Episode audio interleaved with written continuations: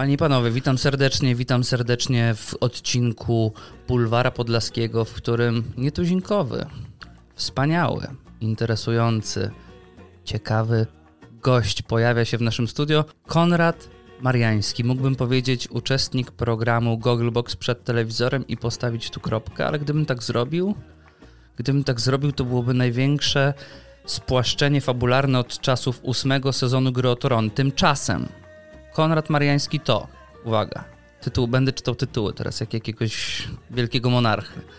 Konrad Mariański, rolnik, strażak, elektryk, sportowiec amator, futbolista amerykański, finansista, uczestnik programu Gogglebox przed telewizorem, autor, podróżnik i broadcaster. I uwaga, bo na początku quiz. Quiz historyczny. Przeczytam ci teraz pewnego króla Polski. Króla Puszczy. Z którym możesz rywalizować o największą ilość tytułów. Gotowy? Tak jest. Z Bożej łaski król polski, wielki książę litewski, ruski, pruski, mazowiecki, żmudzki, inflancki, smoleński, siewierski, czernichowski, a także dziedziczny król Szwedów, Gotów i Wandalów wybrany carem Rosji. Z kim konkurowałeś? Władysław Jagiełło? Pierwszej części myślałem, że trafisz to po prostu jak młotkiem w gwóźdź. Tak czy nie? Władysław czwarty. Wow. A, to ten, co zmarł w ogniem i mieczem i później było bez królewie i musiał... Zmer, wielki przyjaciel kozaków, Władysław Władysław. Jaremu i groźny Jaremu wtedy został. No. I co, poczułeś się tak po królewsku trochę przywitany? Zdrowie Władysława. Średnio znam jego historię, powiem ci szczerze. Nie musisz. On długo w ogóle panował? Sporo. Tak? Podobno Myślałem- na syfilis zmarł, ale to A nieoficjalnie. myślałem, że było. jak Jan Paweł I, że tam chwila i go nie było i później... Nie, nie, to jeden z tych, co się, co się zasiedział. On był po kim, a przed kim? Słuchaj, to ja quizuję. ja jestem w fotelu gospodarza, ty siedzisz na trybunie gości, możesz tu co najwyżej pokrzykiwać. Mariano, bardzo miło mi ciebie gościć, Hello. bo uważam, że jesteś taką em, dziewiczą ziemią telewizyjną, takim uczestnikiem programu, który jest jak nieodczytana książka. Ludzie widzieli okładkę, może ktoś przeczytał spis treści, ktoś spojrzał, co tam jest na koniec, a tu jest kawał dobrej historii do opowiedzenia. I zaczniemy ją. Uwaga, przenosimy się teraz w naszej magicznej kapsule na Podlasie. Lądujemy w malowniczej miejscowości o nazwie Trzcianne, gdzie któregoś tam dnia października roku 94? Piątego. Trzeciego. Mm. O tak, od razu wiedziałem. Na świat przychodzi potomek. Konrad Dziedzic. Mariański. Dziedzic, dziedzic ziemski. I Konrad Mariański z urodzenia staje się rolnikiem. Tak. Marian, opowiedz nam, ludziom z dużego miasta, jak to jest być tym rolnikiem? Czy to rzeczywiście jest jak w Gladiatorze, jak Russell Crowe przechadzasz się muskając pszenicę i nadgryzając ziarna, żeby zobaczyć, czy są już dobre i kąpiąc się w sierpniowym, wrześniowym słońcu uśmiechacie się do siebie? Czy to raczej ciężki kawałek chleba i dużo pracy? Zacznijmy od tego, że trzcianne pochodzi od królowej Bony, która swego czasu Sforcy. Sforcy, która przejeżdża, jak jesteśmy już przy wątku historycznym, przejeżdżając terenami pięknymi, mm, okalającymi, gdzie dzisiaj jest miejscowość Trzcianne, jej powóz wpadł w grzązowisko, w bagno, bo bardzo dużo bagien mamy dookoła i wpadł właśnie w trzcinę. I od tego wzięło się Trzcianne. Od tego, że karoca Bony Sforcy, kobiety, która sprowadziła Włoszczyznę, Gucci'ego, Ferrari do, do Polski. Bardzo wiele jest zawdzięczał. Kto nie wiedział, ten wie. nazwała trzcianne i od tego jest trzcianne. Mm, Ja Bo tam niedaleko jest, jak się nazywa ta droga królewska? Droga carska? Mm, bardzo, bardzo ciepło. Trakt carski? Tak jest! Aj, za trzecim. To jest Brawo, z rokiem urodzenia. brawo. Coś, coś człowiek pamięta. E, słuchaj, ja urodziłem się już w tych latach transformacji, czyli lat, początek lat 90. Mm, Czasy, gdzie już mm, każdy zaczynał mieć ciągnik, każdy miał ciągnik. Nie były to już czasy jak u moich rodziców, że e, wstawano albo szło się całymi rodzinami, żeby wiązać snopki, mucić zboże. Mm, oczywiście całe rodziny pracowały, bo tak jest, tak jest na roli. To E, Po to rodzą się dzieci, żeby był potomek, było komu zostać, ale też po to, żeby były ręce do pracy. E, Szczególnie kiedyś, gdy te rolnictwo było mniej zautomatyzowane. Ale absolutnie to nie jest tak, nie było i nie jest, że jak e, w książce Chłopi Raymonta. Ludzie wyczekują już tą w lutym, w marcu, tego pierwszego dnia, kiedy będą mogli wyjść na pole, bo to jest ciężka praca. Dla dzieci od zawsze to się kojarzy z ciężką pracą, z czasem. Czas na, czas na polu jest czasem zabranym z zabawy, czyli e, to jest taka ofiara. Taki baranek na całopaleniu. Dla, robicie to dla nas. Od nas dla was. Ten polski chleb z polskiej wsi do wielkiego. No jesteśmy wam wdzięczni, tak. co mogę No tak. Wyrazy, wyrazy wdzięczności. Czyli rozumiem. E, okres letni, który dzieciakom z blokowisk kojarzył się z wakacjami, jakimiś koloniami, bieganiem po podwórku za piłką, to nie był ten okres hulanki z folaki dla małego Mariana. Nie, no jest też czas na to, na wiadomo, nagranie w piłkę nożną, bawienie się, e, spędzanie tego, tej dziecięckiej, dziecię, dziecięcej beztroski na jakiś swój sposób, ale wypełniony masą, masą godzin w pracy, w słońcu, w polu, gdy jest, no to po kolei możemy iść. Jest wiosna, zaczyna się koszenie traw, czyli tak, albo pod domem, to wiadomo, to nawet w mniejszych miastach, albo nawet w miastach ludzie mają działki, więc gdzieś tą, tą trawę koszą, przeważnie w weekendy. Ale wiosna zaczyna się koszenie, tak samo zaczyna się koszenie łąk, więc trzeba pojechać, skosić, przewrócić. Jak jeszcze kiedyś nie było zbyt wielu grabiarek, ręcznie, całą rodziną, grabiami. Bo tak, gdy kosi się trawę, może nie każdy to wie, słońce ładnie opala, wysusza z jednej strony, później trzeba grabiami te wszystkie pokosy przewrócić na drugą stronę, żeby słońce również wysuszyło od drugiej strony tą trawę. Z tego robi się siano, z tego robi się później ciuki, snopki, bele i to jest pokarm na zimę dla zwierząt. I całymi rodzinami, gdy młode dzieci, dzie, dziewczęta, w ogóle dzie, dziewczyny kiedyś to miały takie dłonie, jak dzisiaj mają murarze po prostu. Od, mia, mia, takie odciski od grabi, bo to naprawdę było... A hybryda nie schodziła? Nie, nawet nie wchodziła. Nie, wchodzi, nie wchodziła. nie, by, nie było gdzie wejść. I to, i, i, to, I to był początek. Później mamy dalej lato, przychodzi zaraz czas zasiewów, e, czas żniw. W między, międzyczasie, jak już posadzi się ziemniaki, posieje się zboże, to trzeba pojechać, e, wyciąć jakieś mm, sz- szkodniki, chwasty, wyrwać chwasty, bo nie wszystko powiedzmy jest podatne na opryski. A teraz w ogóle jest jeszcze ciężej, bo opry- kiedyś, op- gdy były opryski, były bardziej chemiczne oczywiście, ale e, gdy jechałeś w pole i leciały te opryski, to rzeczywiście wycinało to wszystko. Chroniło. A teraz masz tak, opryski, przyjazne kurwa pszczołom, przyjazne kotom, psom, koniom. Przyjazne stąd. I teraz jest tak, że jedziesz na ziemniaki, pryskasz, a, a stolka przychodzi jak na prysznic. Przychodzi się zmyć. I, powst- I powstał underground, ciemna strona rynku oprysków, gdzie ludzie po prostu przyjeżdżają na tak zwany ruski rynek kupować te e, stare, sprawdzone środki owadobójcze. Dzięki temu możemy mieć ziemniaki. Zdrowe. Zdrowe ziemniaki. Bez wkładki mięsnej. Tak jest. Później mamy właśnie wykopki, gdy zaczyna się szkoła, wrzesień, to są czas, wyk- czas wykopek. Eee, no, no w międzyczasie mamy różne inne prace porządkowe. No i ten, ten okres, o jeszcze mam ten okres od powiedzmy marca e, do połowy września jest mocno, ten, ten kalendarz jest mocno nabity. Później jeszcze mamy e, zimą las, drzewo, które trzeba mm, wyciąć, zrobić opał na kolejną zimę, więc pracy jest naprawdę dużo. Dodajmy też, zanim usłyszymy szloch Kingi Rusin, że wycinamy tylko drzewa Chore. chore, Oczy- naznaczone, przeznaczone do wycinki. To nie jest tak, że idzie sobie Marian z siekierą przez las i mówi, ja to wszystko wyrębię. Ma się papiery, no wszystko jest legalnie oczywiście. Choinki są e, brane z nadleśnictwa, jeżeli ktoś nie chce jechać do sklepu i ma po prostu asygnaty wydawane przez, e, przez Słucham? wójta. Asygnaty? Matko, to jakaś pieczęć królewska. To jest pieczęć, no, oczywiście, to asygnaty stawia się później na pniach, no wszystko jest legalnie, no.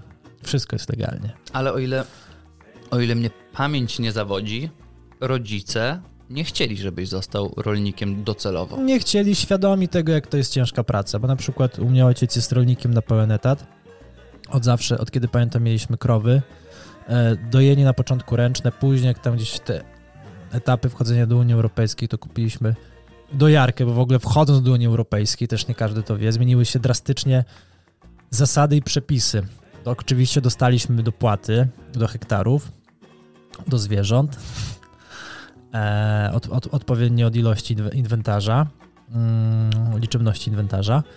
Ale trzeba było też spełnić warunki. I na przykład niektórzy w szale tego wszystkiego, w strachu, że trzeba będzie jeszcze później oddać te euro z odsetkami, to świniom albo krowom wykładali płytki e, na ścianach, malowali te ściany w Czyli różnych świnie kolorach. mieszkały jak na warszawskim Wilanowie Przez, przez chwilę, tak, przez chwilę chleb przypominał pałac królewski w niektórych miejscach. Bardzo ładnie kinkiety trzeba było Złoto. Oświetlenie odpowiednie. No, ludzie się też bali, wiadomo, że nie. Czyli rozumiem, że to była epoka baroku w polskim chlebie. Oj, oj, to było oświecenie. To było oświecenie, no. Renes. Świnie pierwszy raz światło zobaczyły zimą. Niektóre. Cały ten czas. Ale, ale właśnie jeszcze wracając do mojej matuli, mm, która jest w, w ogóle moim mega wzorcem ciężkiej pracy. Wstawała rano, szła doić krowy, myła te wszystkie bańki.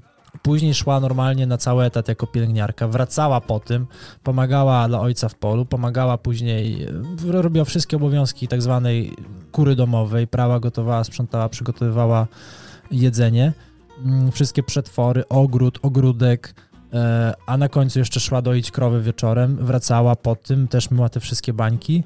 Tak naprawdę jej dzień pracy trwał od godziny, nie wiem, 5 do 21 i tak przez po prostu 7 dni w tygodniu, e, dzień w dzień.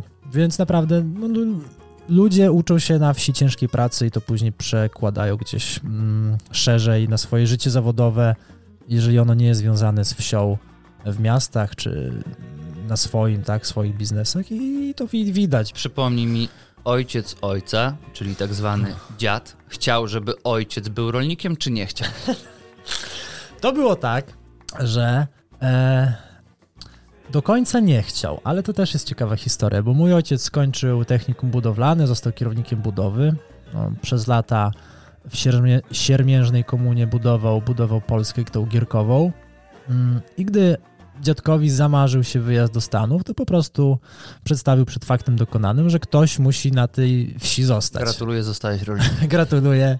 Tu jest mój sierp, teraz jest twój, należy do ciebie. No i ojciec z dnia na dzień musiał, czy został tymczasowym rolnikiem, a to, i to trwa do dnia dzisiejszego. A nie obawiasz się, że nadejdzie do ciebie taki Sierp? telefon?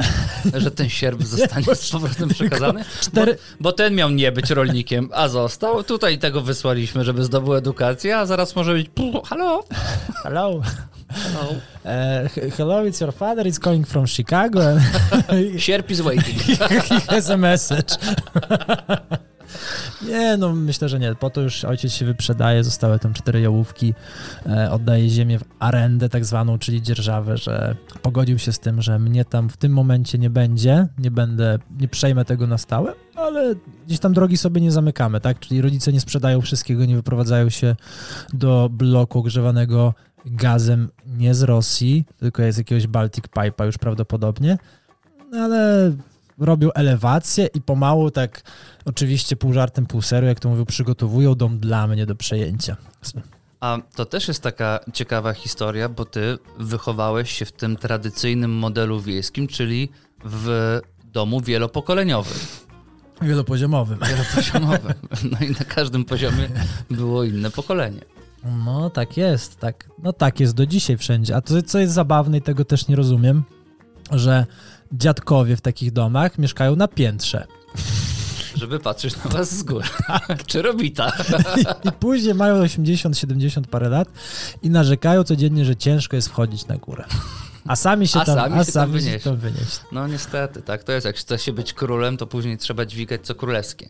No dobra, mamy Mariana, który jest tym rolnikiem z doskoku, taką pomocą e, gospodarczą, ale też ciągnie go w inne e, rejony świata.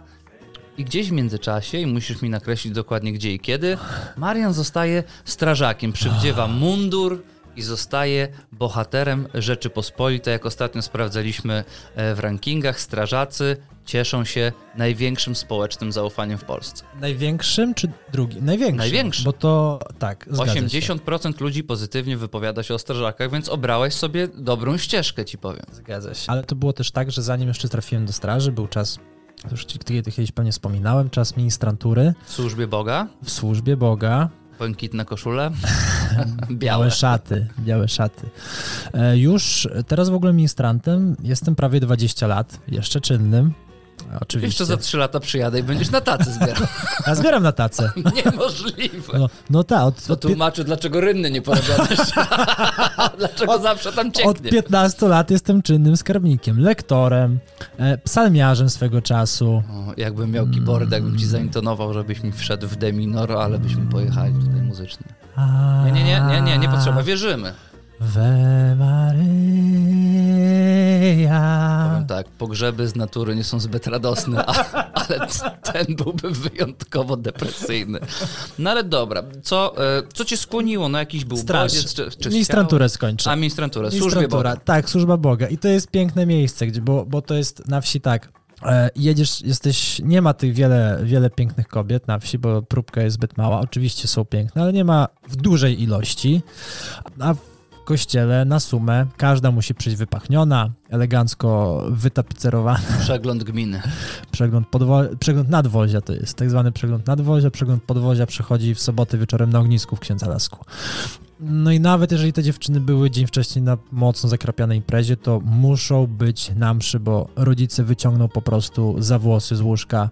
No to jest mus. No i sobie jako ministrant w prezbiterium siedzisz, tak jak powiedziałeś, na górze, na podwyższeniu. Masz no, Loża VIP. em, bocianie gniazdo na statku No ta, z lunetą. z wiesz. lunetu i po prostu jak co chwila coś, to spojrzysz, znaczy co chwila, oglądasz sobie, jeżeli znajdziesz jakąś ładną dziewkę, to jest jak Asterix Obelix, Galowie. galowie i serce rośnie, no i masz taką wieżę obserwacyjną i mogłeś sobie tych pięknych dziewek naobserwować, przeżyć też życie te kościoła, e, w, mm, ziomki, wszyscy byli ministrantami tak naprawdę, większość, no i poznać naprawdę masę, masę tych księży, tych teraz legendarnych księży, bo jak już jesteśmy przy tym zaufaniu, to obecnie księża cieszą się mniejszym zaufaniem niż policjanci chociażby.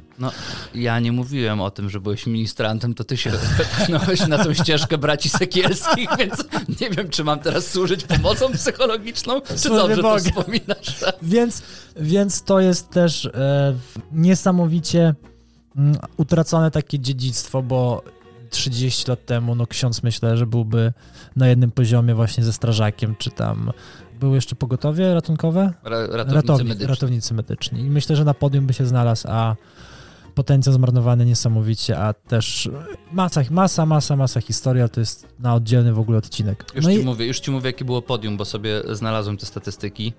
Najbardziej poważane zawody wśród Polaków strażak 81%, ratownik medyczny 80%. Kto zamyka podium z wynikiem 72? Pamiętam. Lekarz. Lek, uuu, A kto nie złodzieje? A kto nie zmieścił się na pudle z wynikiem 70? No to higienistka. Pielęgniarka. O, blisko. A na samym końcu ostatnie trzy? Influencer. Wita, hello. Działacz partii politycznej. Wszystko nami. Naturliś i youtuber. O to. Fu. Fu. Dobrze, że nie ma broadcasterów. Jeszcze podcasterów.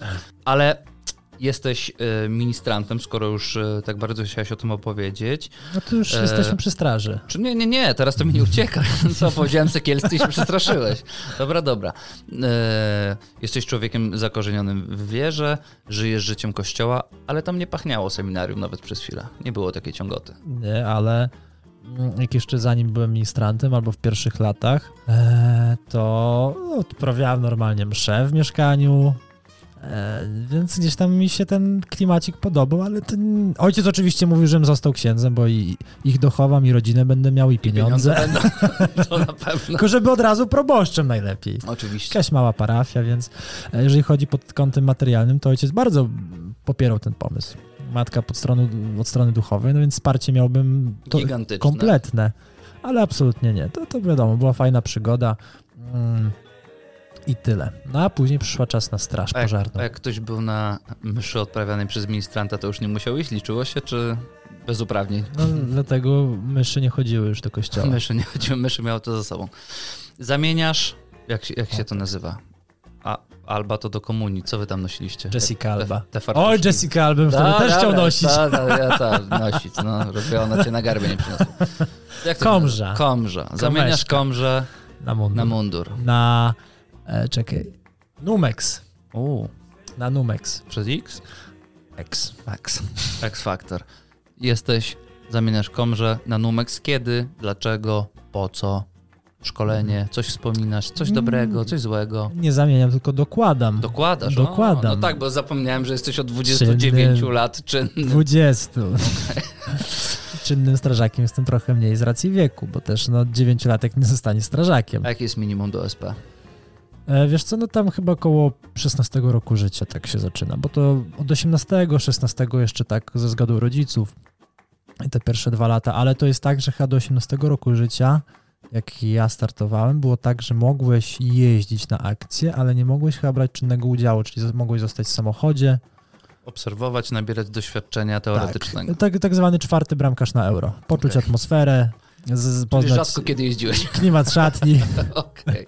ale, ale trener lubi, selekcjoner.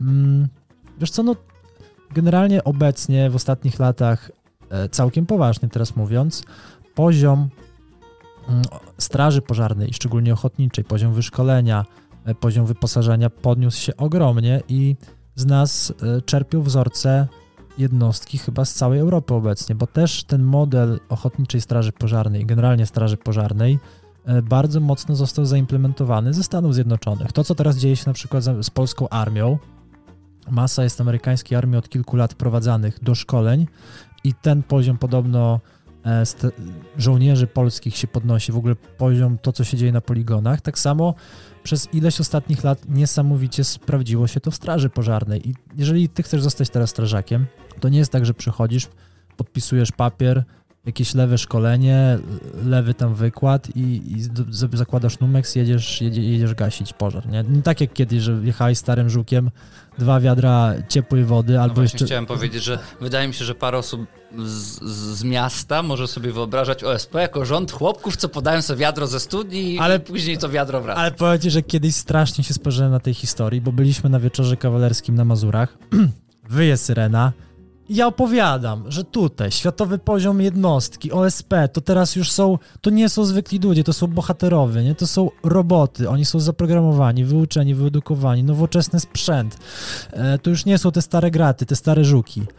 I co? I przejeżdża Nyska obok, dwóch pijanych chłopów z tyłu Z balią. po prostu o, położyło ten, tą moją historię, tylko podbudowało ten stary mit straży pożarnej. Nie miałem argumentów w tamtym momencie, ale to po prostu był jakiś Trzeba wyjątek. było powiedzieć, że wszystko zależy od samorządu, Tak. kto jak głosował, nie, Od podatków, jakie jaką płacą. frekwencję. Od To się nie dziwcie, że nie macie wozu. Oczywiście, no. Jak teraz były... Czekaj, co to było? Zaszczepienia? No, Kurczę. Nie, za, Frekwencja za frekwencję wyborczą, tak. I je- jednostki OSP dostawały pieniądze na, tak, Na na, wozy, na wozy strażackie. na wóz. Ale jest szkolenie, jest sprzęt. Tak, jest szkolenie i masz generalnie, wiadomo, teorię, którą później musisz, e, musisz zdać, zaliczyć jakimś egzaminem. Jest też szkolenie praktyczne. Pierwsza pomoc, wszystko związane z pierwszą pomocą, z obsługiwaniem sprzętu, prądownicy, jak polewać wodę, gdzie polewać, co jest woda, co jest piana. Szkolenia techniczne z rozcinania pojazdów, z nożyc, z rozszerzania, z otwierania w ogóle pojazdów, jak, jak tego się używa. I są też komory dymne, gdzie, które się przychodzi z partnerem, bo wiadomo, że wszędzie się wchodzi w każdy ogień z partnerem i najpierw myślisz o sobie, bo martwy nikogo nie uratujesz, a później myślisz o tym swoim partnerze, a w trzeciej kolejności, żeby kogoś uratować.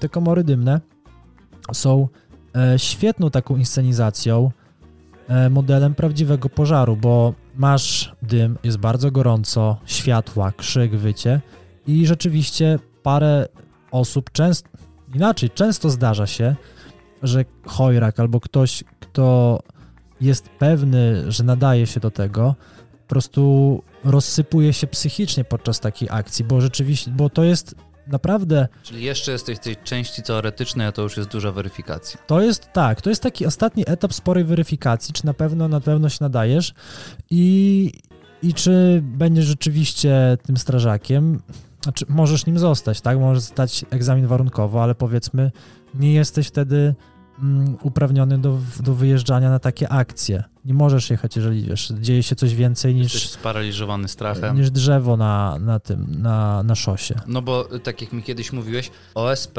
w mniejszych jednostkach administracyjnych jest taką pierwszą jednostką reagowania, prawda? Pomocy, oczywiście. Jak komuś dach zerwie wichura, czy coś się stanie, Po wodzie. No jeszcze jak, tak jak rozmawialiśmy właśnie, jak wygląda to, że jestem tym strażakiem, czy jak jest pożar we Czcianym oddalony 200 km od Warszawy, stolicy, w której na co dzień żyję. Siadasz na koń. Wsiadam na konia, czekam na, na, na, na pociąg, później przesiadam się w PKS-a i za 4 godziny jestem na pożarze. Robię.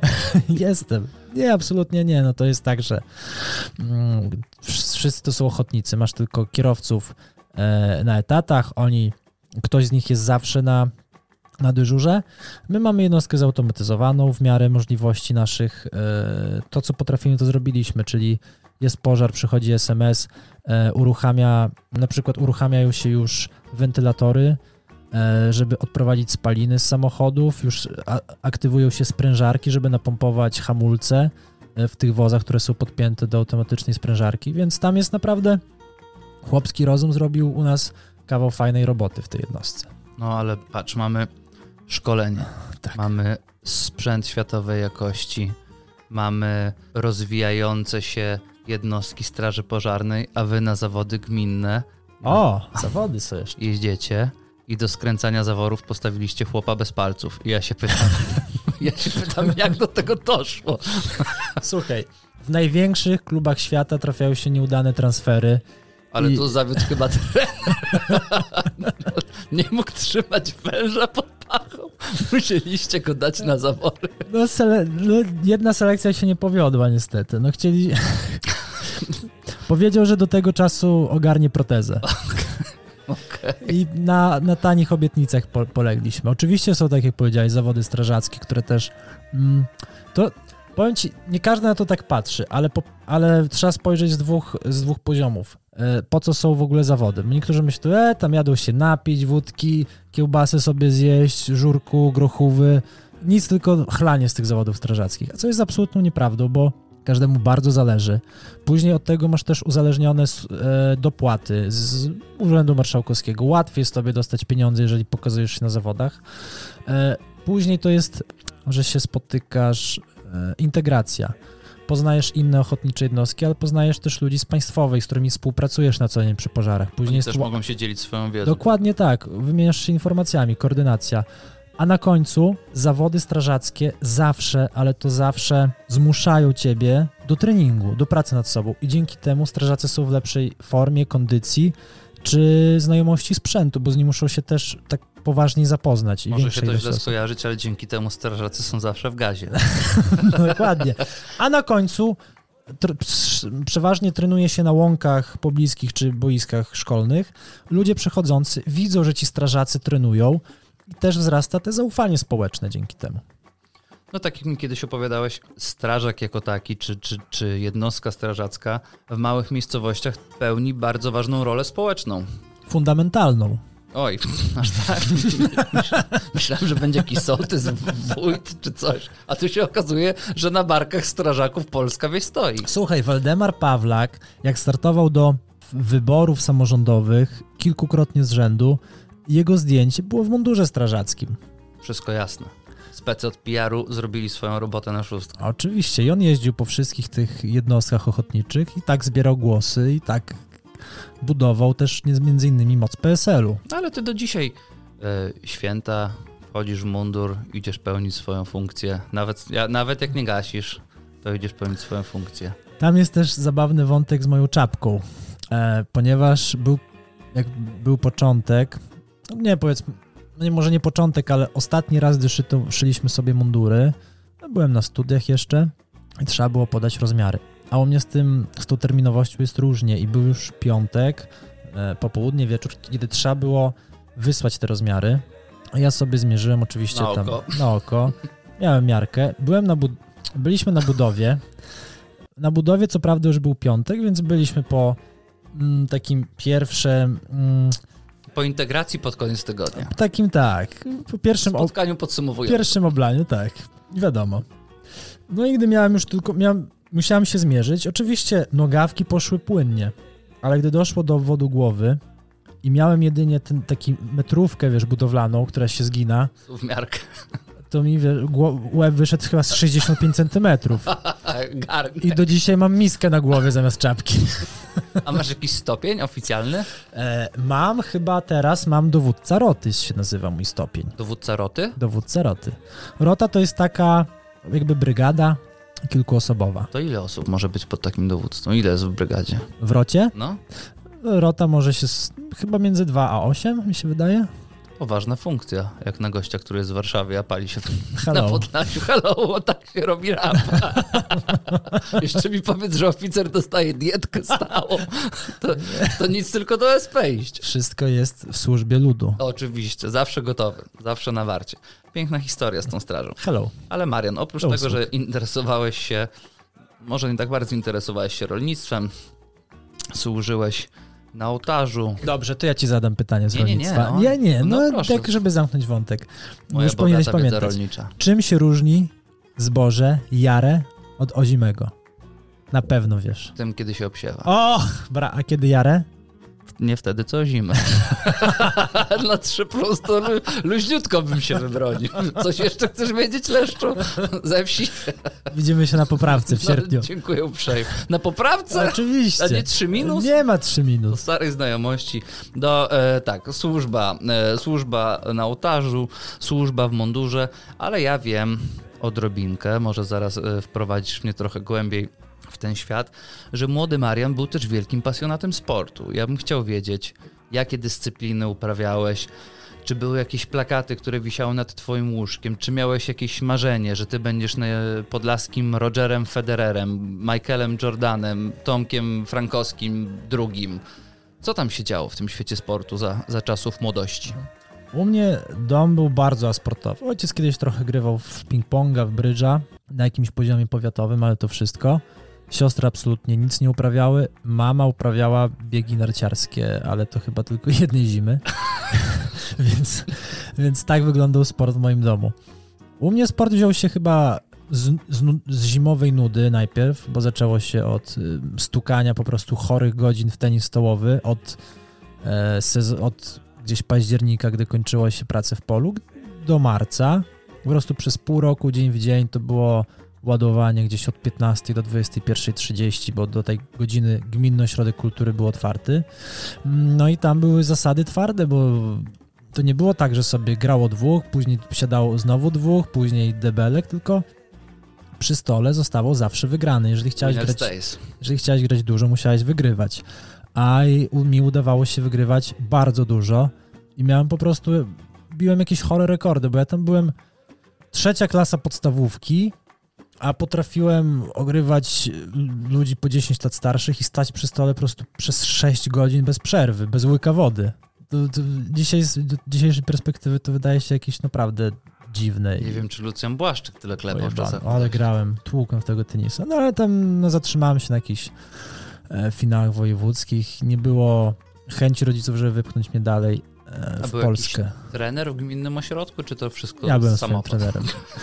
Z WF-istu na zawody jeździłem. I, Jak Wayne Rooney, zawodnik menadżer. I było, pamiętam, grałem kiedyś mecz o brązowy medal, chyba mistrzostw województwa i tak ciężko mi idzie, zażarta walka i mówię do tego mojego trene, trenera, nauczyciela WF-u.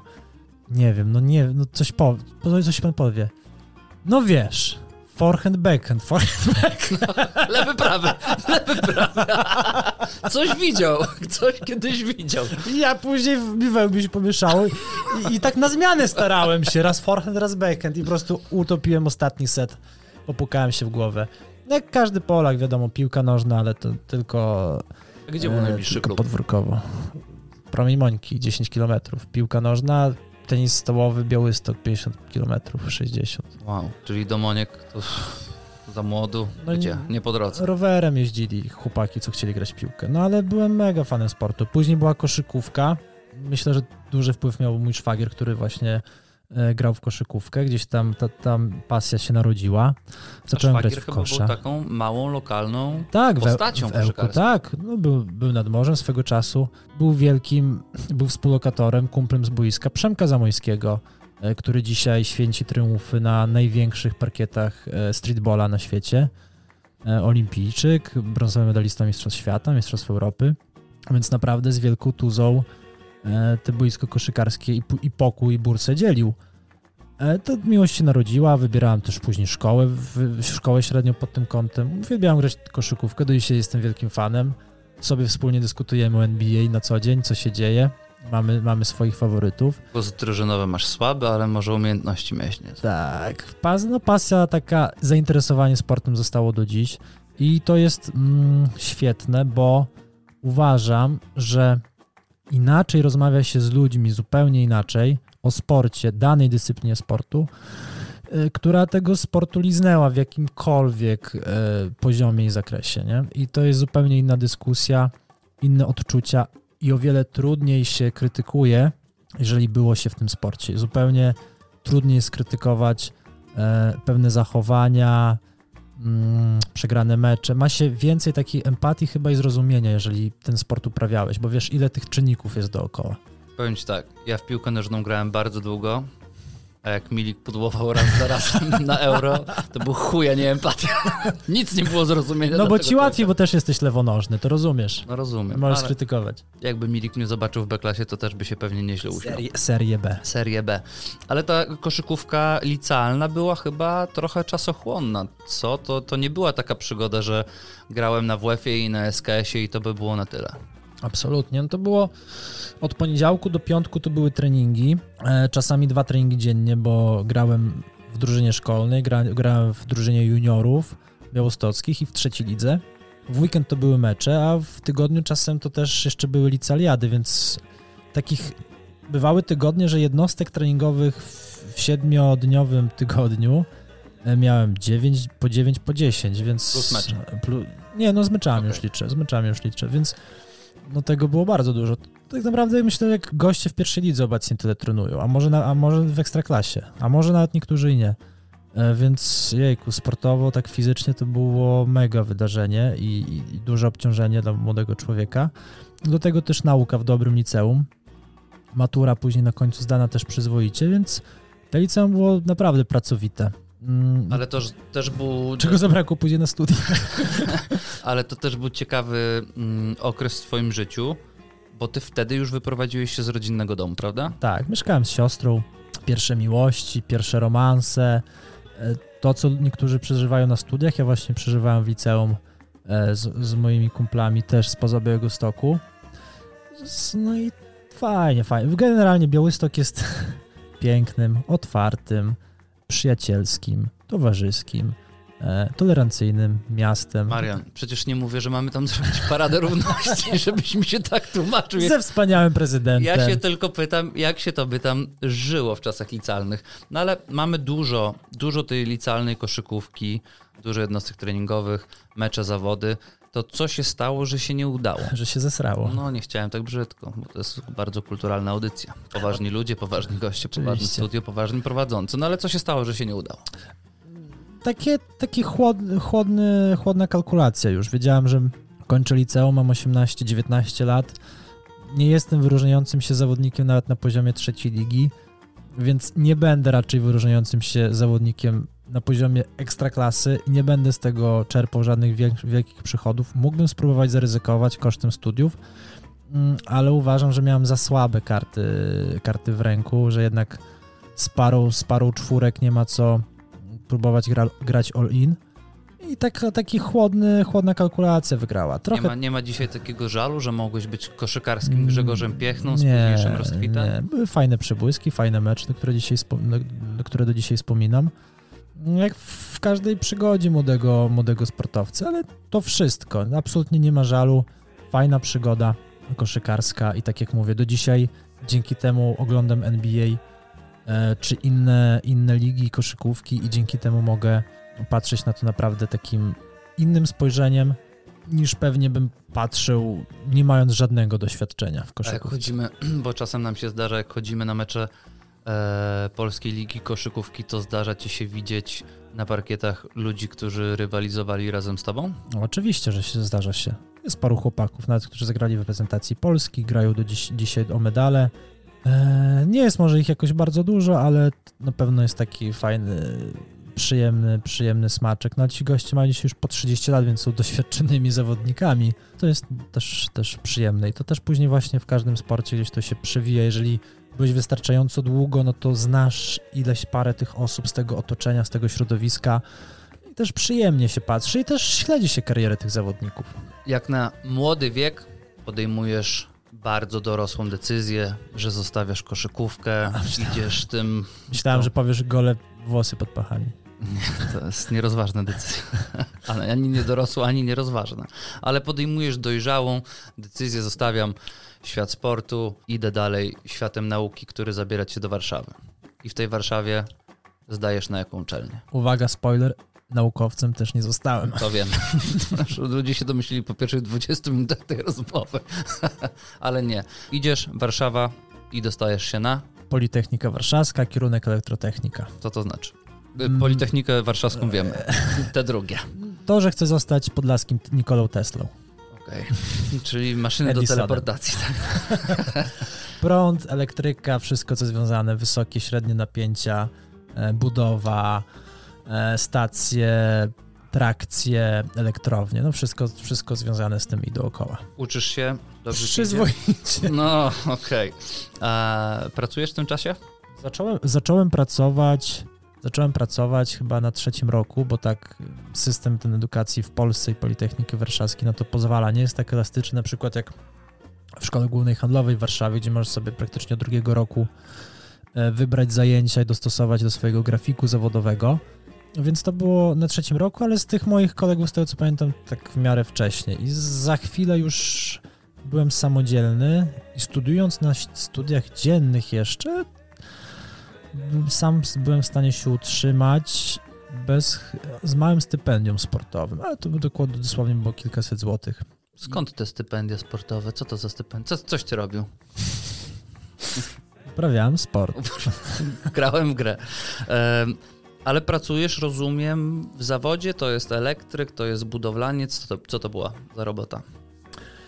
E, to był as, asystent, czy tam pomocnik inżyniera budowy, czyli od początku poszedłem na budowę, bo wiedziałem, że pochodzę ze wsi z tymi chłopami prostymi, potrafię rozmawiać, mamy wspólny język i rzeczywiście mi się dobrze z budowlańcami od wtedy do dzisiaj dogaduję. E, no i zacząłem budować Warszawę. Dziękuję. Cały naród buduje stolicę. To o tobie jest ten napis nad Empikiem. Słuchaj, do dzisiaj mam parę fajnych projektów w CV, bo skończ... Zastanów się, które, które dobrze działają, zanim coś powiesz. Oczywiście, że tak. Mam, mam na przykład mm, Centrum Personalizacji Danych, to taki mały był dla Ministerstwa budynek na Mokotowie. Mam na wyścigach. Mam hotel europejski w CV. No i browary warszawskie, między innymi Nańca Roberta Lewandowskiego. Więc proszę pana... e, Prawie kręciłeś precle w dziewiątkę. Więc trochę się tego już ciekawego zbudowało, nie wspominając o pomniejszych. Ale to jest y, taki drugi duży przeskok w twoim życiu, bo pierwszy, tak jak wspomnieliśmy sobie, był e, z Czciannego do Białego Stoku i teraz przeska- przeskakujesz z Białego Stoku do Warszawy, gdzie był dla takiego chłopaka z małej miejscowości, gdzie był większy szok kulturowy. Myślę, że jednak do Białego Stoku, bo miasto, miasto to jest ten pierwszy, ten pierwszy szok, bo widzisz komunikację, e, dużo pięknych kobiet spacerujących po ulicach, ten tłok, szum, gwar tego miasta, samochody, e, korki nawet w Białymstoku swego czasu, Rondo. rondo, światła, I to to dzikie rondo, ta, dzikie rondo, bez, gdzie bez wjeżdżający mają pierwszeństwo. gdzie wjeżdżający mają pierwszeństwo. To jest, to nie jest rondo, e, tylko to jest układ skrzyżowań równorzędnych. Tak to się nazywa. Co może wiedzieć człowiek z Warszawy? Dzień dobry, dlatego Kłaniam jestem. się. Nauka jazdy. A z, Łukasz ko- Kmiecik. a, z kolei, a z kolei w Warszawie, a z kolei w Warszawie najbardziej zdziwiła mnie ilość jakość tych różnych ludzi, tak, czyli e, chłop grający na krześle na, na patelni na, na metrocentrum, e, ludzie, ludzie z pofarbowanymi włosami, ubrani zupełnie dziwnie, tak jakby każdy mm, był, miał make-up i miał strój przygotowany do jakiegoś filmu czy serialu. Spektakl, który jak- odgrywa Jakimś, na co dzień. jak- jakimś Hollywood bym żył. Ale też myślę, że w Białymstoku to, to było na mniejszą skalę, a w Warszawie na o wiele większą, miejsce masy możliwości, bo na każde jakieś dziwne hobby, zainteresowanie, zajawkę znajdziesz odpowiedź, znajdziesz miejsce, gdzie ktoś coś robi, trenuje w jakiejś grupie, w jakimś społeczeństwie, gdzieś, gdzie możesz się rozwijać, znaleźć podobnych pasjonatów do siebie. I tego na wsi nie ma. I to jest największą różnicą, i to jest ta, ta rzecz, e, ten przywilej, którego najbardziej zazdroszczę i zazdrościłem dzieciakom z miasta, że mają takie możliwości do rozwijania swojego hobby, swoich zainteresowań, o których dzieciaki ze wsi mogą pomarzyć. Czego sobie nie wymyślisz, to możesz praktycznie Wszystko. Robić. Teraz praktycznie wszystko. To prawda. Chcesz scenariusze, to se tańczysz. Na wsi to możesz z widłami tańczyć co najwyżej. Powiedz ojcu, Gnojówce. że idziesz się uczyć tańczyć na Cię szpa, szpadlem trzaśnie dwa razy, to ci przejdzie. A to, będę chodził na jogę. Pa, jakie mam lajky. No tak, no trochę, trochę, trochę się świat zmienia, ale też wydaje mi się, że powoli te granice też się zacierają pomiędzy dużymi miastami a, a wsią. No wiadomo, no te ośrodki kultury już starają się zaimplementować coraz większą mm, ilość e, szkoleniowców, trenerów. Już teraz na przykład u mnie w Gminnym Ośrodku Kultury są nauki gry na gitarze, na jakimś pianinie, nauki tańca, języka angielskiego. Proste, podstawowe rzeczy, ale to już jest coś. Dobra, bo teraz jest kluczowy moment w naszej historii. Mojej i twojej. Jesteś na studiach i podejmujesz jedną z najważniejszych decyzji w swoim życiu i być może najpiękniejszych, kto wie, to już historia oceni. Szukasz nowej zajawki sportowej i wybierasz Futbol amerykański. futbol amerykański. Marian, futbolista amerykański. Mariano futbolista. Dokładnie tak. Zapraszam na Instagram. Hello. Klikajcie. Subskrybujcie. Wybierasz sobie nowo powstałą drużynę Warsaw Dukes. Dlaczego? Co cię skłoniło? I jak wspominasz te wspaniałe czasy? Miałem bodajże 22 lata, 21-22 lata i chciałem jeszcze, człowiek zakochany w sporcie, chciałem jeszcze spróbować czegoś nowego, e, zupełnie świeżego, ale coś, w czym byłbym jeszcze rzeczywiście dobry, coś, gdzie mógłbym powalczyć jakieś medale, wyróżnienia, laury, coś jeszcze w tym sporcie wygrać. I wiedziałem, że to musi być sport troszkę niszowy, albo sport, który zaczyna się trenować trochę później. Oczywiście nie mówię to o szachach, czy snookerze, czy darcie, ale Wszystko przed nami. Nie martw się. Jeszcze będziemy kręgle. rzucać w te, w te tarcze. nie tarczy, ale wybierałem między boksem a futbolem amerykańskim. Boks, bo zawsze byłem fanem boksu, lubiłem oglądać w domu e, z ojcem pięściarstwo, a futbol amerykański gdzieś tam usłyszałem, że jest taki sport, fajnie, Super Bowl się oglądało, jak raz w roku oglądało się ten sport właśnie podczas Super Bowl. I, I wybór padł jednak na futbol amerykański. Zerknąłem sobie, przeszukałem, co w Warszawie się dzieje. Chciałem grać, więc świadomy tego, mm, będąc swoim menadżerem, bo nie miałem menadżera, do dzisiaj też w sumie W nie. tenisie stołowym byłeś swoim trenerem, Tak w futbolu byłeś swoim menadżerem. I wiedziałem, jak karierę sportowca trzeba ułożyć i co najważniejsze jest u młodego jeszcze sportowca, czyli ilość minut, a żeby grać jak najwięcej, musiałem z nis niskim poziomem umiejętności grać w jak najsłabszej drużynie. I takim oto sposobem e, znalazłem Warsaw Dukes, nowo powstałą drużynę, której w ogóle jeszcze nie było w tabeli, która powstała ze zlepek jakichś fatalnych drużyn z ostatniej ligi, trzeciej ligi polskiej z swego czasu. Z aspirujących drużyn. Którym troszeczkę zabrakło. z, druż, z drużyn złożon, drużyny złożonej z zawodników e, wypalonych, wyklętych, niepotrzebnych Rez- 12 rezerwowych. amerykańskiego. i tak trafiłem do drużyny Warsaw Dukes, którą założył mój przyjaciel Krzysztof. To ja. I tak się zaczęło. Tak się zaczęło. Pamiętam, mm, bo starałem jakoś wrócić sobie pamięcią, żeby znaleźć moje pierwsze wspomnienie Konrada Mariańskiego na boisku futbolowym i są dwie anegdoty, Goła dupa. Pierwszą jest niestety goła dupa i muszę podzielić się z naszymi słuchaczami tą historią. E, W pierwszym roku, w pierwszym sezonie Warsaw Dukes na treningi zapisało się 100 osób, więc O, a, a, chodziło tak z 50-60 na początku, No. miało naprawdę duże ambicje. Więcej Więc nawet. żeby kogoś tam zauważyć, kto nie przyszedł z- ze znanej mi drużyny, tylko taką nową twarz, to naprawdę było ciężko. I, a spamiętać imiona czy naz- nazwiska to już w ogóle. I pamiętam, że chodziliśmy na treningi na e, sztucznym boisku w jakiejś szkole podstawowej. Nie pamiętam w jakiej to było dzielnicy teraz. Pamiętasz? Praga? Nie. To gdzieś było po, po, jakieś bemowo może. Ale nie dam sobie ręki uciąć absolutnie. Nieważne. No i pamiętam, że jesteśmy na terenie tej szkoły podstawowej, radosne dzieciaczki wychodzą e, sobie po zebraniu z rodzicami. A, tam to bymowo. To bemowo. No i mamy rozpoczęcie treningu i siedzi e, dziewczyna jednego z zawodników i obserwuje, jak jej ukochany trenuje, pręży muskuły. No i patrzę, podchodzi obok niej jakiś chłop. Widzę, że spóźniony, bo biegnie, na szybko się przebiera i tak sobie obserwuję tą sytuację. Widzę tą dziewuchę, widzę tego chłopa i nagle chłop zdejmuje gacie, wypina dupę na 3 centymetry od twarzy tej dziewczyny, a ona jest tak zahipnotyzowana swoim ukochanym, że nie czuje już tego ciepłego powiewu. A ja czułem ją na wydechu. A ty ją czułeś na wydechu. I sobie myślę, kurwa, kto tu trąbą świeci na terenie szkoły podstawowej? I ktoś mi mówi, to Marian, on dobry jest. Ja mówię, a, no dobra, no to, no to Marian. To może. I, I gdzieś mi przepadłeś, a później druga anegdota. I tam poznaliśmy się od tamtego czasu, jesteśmy już nierozłączni. Jak miałem podejrzenie złamania e, kości udowej, wsadzono mnie w przepiękny gips, który Udowej? E, tak, który O. był od e, koniuszków palców u stopy, A nie piszczelowej? nie, e, po, od początków, e, od końców palców u mojej stopy, aż do mojej pachwiny i miałem przepisane zastrzyki przeciwzakrzepowe. I nie za bardzo wiedziałem, co z tym zrobić. A że miałeś syna pielęgniarki. No to mam syna pielęgniarki i strażaka. Mówi, ja jestem strażak, ja ci zrobię z- zastrzyki. Dawaj dupę. Ja sobie myślę, dobra, złapałeś mnie za fałdę w brzuchu i tak mi załadowałeś tą strzykawkę, że myślałem, że zastrzyk jest dojelitowy. Oj, delikatnie było. Delikatnie.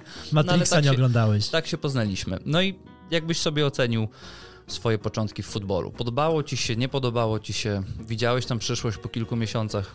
Czy trudno było powiedzieć? Fantastycznie. W ogóle to był świetny wybór. E, Od początku czułem, że jest, że jest super, że mam spore szanse na granie, mimo że to była świeża drużyna, duża konkurencja. To już jak były rozpisane te pierwsze składy ABC, no to chyba byłem już na początku w składzie A, e, gdy zaczynały się takie treningi taktyczne po treningach przygotowania fizycznego. Sumiennie chodziłem na treningi, treningi dodatkowe, siłownia, boisko. No potężna pasja rozbudziła się we mnie praktycznie od pierwszego dnia duża zajawka i znowu, znowu wrócił mi ten rygor właśnie z koszykówki, czyli te codziennie coś musiałem robić. Była sobota, o fajnie, to będę miał czas robić dwa treningi mm, dziennie, niedziela, podobnie, e, gdy nie ma sezonu. I taką ciężką, sumienną pracą naprawdę wydaje mi się, że w tym sporcie dosyć szybki, szybki sz- w krótkim czasie udało się e, wystartować z poziomu zero e, do poziomu reprezentanta Polski za, za parę lat, czy do poziomu zawodnika walczącego o Mistrzostwo Polski. Właśnie na tym polega e, piękno i przekleństwo zarazem futbolu amerykańskiego, e, że rywalizujesz z drużynami i z ludźmi, którzy trenują jak profesjonaliści, trenują w klubie, ale te kluby mają ograniczone możliwości, więc Zgadza się. olbrzymią część pracy musisz wykonywać sam.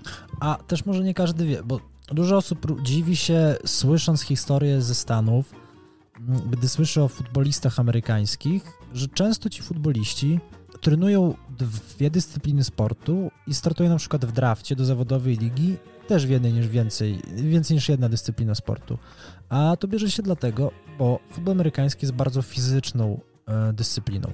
I mając dużą, wysoką bazę fizyczności, szybkość, siła, sprawność, e, którą bierze się na przykład z koszykówki, bo dużo osób po koszykówce radzi sobie świetnie w futbolu amerykańskim, ta koordynacja ruchowa, nie potrzebuje duż, dużo czasu, żeby wytrenować się odpowiednio technicznie i gdzieś tam przyzwoicie na poziomie taktycznym, żeby móc w tym sporcie próbować swoich sił grać dalej. Czy to grać na arenie europejskiej, czy właśnie jak w Stanach, gdy przez lata ciągnie się te dwa sporty można spokojnie to, to pogodzić, bo nie, mu, nie musisz, jak nie wiem, w koszykówce oddać ileś tysięcy rzutów tygodniowo, żeby przynajmniej trafiać w obręcz. 30%, 30% tak, za, za 3, czy tam nawet z pół dystansu. Więc to jest ta drobna różnica, gdzie odpowiednia ilość przygotowania fizycznego może doprowadzić w futbolu amerykańskim rzeczywiście do bardzo wysokiego poziomu. Ale też trzeba mieć odrobinę naturalnych predyspozycji. I zdrowia. Trzeba mieć zdrowia, trzeba mieć odwagę, bo to jest też taki sport, Kontaktowy. gdzie e, ty mówiłeś, że strażacy mogą wysiadać w komorze dymnej. No to tutaj trening treningiem. Mieliśmy bardzo wielu zawodników, którzy fajnie spisywali się na treningach, a kiedy przyszło do meczu i zderzasz się z kimś, kogo nie znasz, kogo nie znasz na co dzień, to już Tak jest, jest. zupełnie inna natura bestii. Bania wysiada. A pamiętajmy, że grając w ataku, jak ja, jako skrzydłowy czy jako biegacze, to celem drużyny zawodników z formacji obronnej są nasze kolana i kostki, czyli stawy najbardziej podatne na uszkodzenia, na takie trwałe urazy, ponieważ tam się atakuje, żeby zawodnik upadł na ziemię. I Ale też trzeba dodać, że to nie jest złośliwie, tylko jak ktoś potrafi robić to dobrze tak, technicznie, to jest to w miarę bezpieczne. bezpieczne dla Zgadza się, ale, Ale to Polska. ale to Polska. tu się po prostu wpierdalasz w nogi. No ale to też jest piękne w futbolu amerykańskim, że stają naprzeciwko siebie ludzie, którzy w każdej akcji, po każdym gwizdku muszą fizycznie zatrzymać siebie na każdej pozycji, tak? Tak. Liniowi muszą zatrzymać siebie, żeby ten nie dobiegł do rozgrywającego. Każdy toczy swoją wojnę. Ale po każdym pojedynek. gwizdku jest przybicie piątki, podnoszenie z ziemi, zazwyczaj tak to wygląda. Nawet, Zazwyczaj. nawet kiedy są jakieś e, niesmaki pomiędzy rywalizującymi drużynami. I ponieważ ty jesteś z natury skromny, to ja dodam, jako były prezes e, tej drużyny, Prezes. że udało ci się w trzecim sezonie grania w ten sport dostać powołanie do szerokiego składu reprezentacji Polski, a przypomnę, nie byliśmy wtedy w najwyższej klasie rozgrywek, tylko zostałeś powołany z pierwszej ligi. To tak jakby Zgadza ktoś y, dzisiaj z Fortuny dostał powołanie do reprezentacji Polski. Fortuna pierwsza liga, Tak żeby jest. każdy zrozumiał. Zgadza się, zgadza się i to też były czasy takiego złotego okresu w polskim futbolu amerykańskim, ponieważ e, jak może niektórzy pamiętają, odbywały się w Polsce we Wrocławiu The World Games, czyli mm, Igrzyska Sportów Nieolimpijskich i przy każdej edycji każdy kraj może wybrać sobie chyba trzy dyscypliny takie dodatkowe, tak, które są powiedzmy popularne w danym kraju i taki czas na promocję. Polska wtedy wybrała, z tego co dobrze pamiętam, wspinaczkę e, na ściankach która teraz jest już sportem olimpijskim. Olimpijskim. I to też właśnie The War Games są, taki, są takim przedsionkiem dla, dla sportów, które później stają się sportami olimpijskimi. Taki, tak gablota, tak? Okno wystawowe, moment promocji. E, Był też chyba trójbój siłowy i właśnie był futbol amerykański. Cztery, cztery reprezentacje wtedy grały, czyli Polska, Francja, USA, i Niemcy. Niemcy? Tak mi się wydaje. Powiedzmy. No, Nie umówmy będę. się. Nie. Czwartego nie jesteśmy pewni, to po prostu umówmy się. Ty mówisz Niemcy, ja mówię Niemcy i tak po prostu było. Tak jest. I z tego też tytułu było dużo pieniędzy z Ministerstwa Sportu. E, Był związek, była polska tam federacja, a nie był związek. Tak, bo o związek to walczyli, Walczyli, na, tak. na długo po. No dobra, dostali jakieś tam pieniądze i te wyjazdy, te zgrupowania, mecze, sparingi były naprawdę na poziomie europejskim, bo tak, mieliśmy zgrupowania w Cetniewie tygodniowe, mieliśmy zgrupowania w Wiedniu na boiskach e, Minnesoty, Minnesoty Wiena, mieliśmy mecze na Węgrzech przy pełnym, e, pełnym sta, stadionie w Szekeherezwar chyba? Ale... Szakalemeka. Szekeremekę. I to były naprawdę fantastyczne, fantastyczne emocje, świetna przygoda, wyjazdy, te zgrupowania. No Czy ten czas w reprezentacji to był taki moment, kiedy poczułeś się najbliżej profesjonalnego sportu? Tak, zdecydowanie. I wtedy już myślałem, że kurczę, wiedziałem, że nie da się z futbolu amerykańskiego żyć w Polsce, ale pojawiło się jeszcze takie marzenie, że może zagrać w najsilniejszej lidze w Europie, czyli w niemieckiej, chociaż ten sezon spróbować.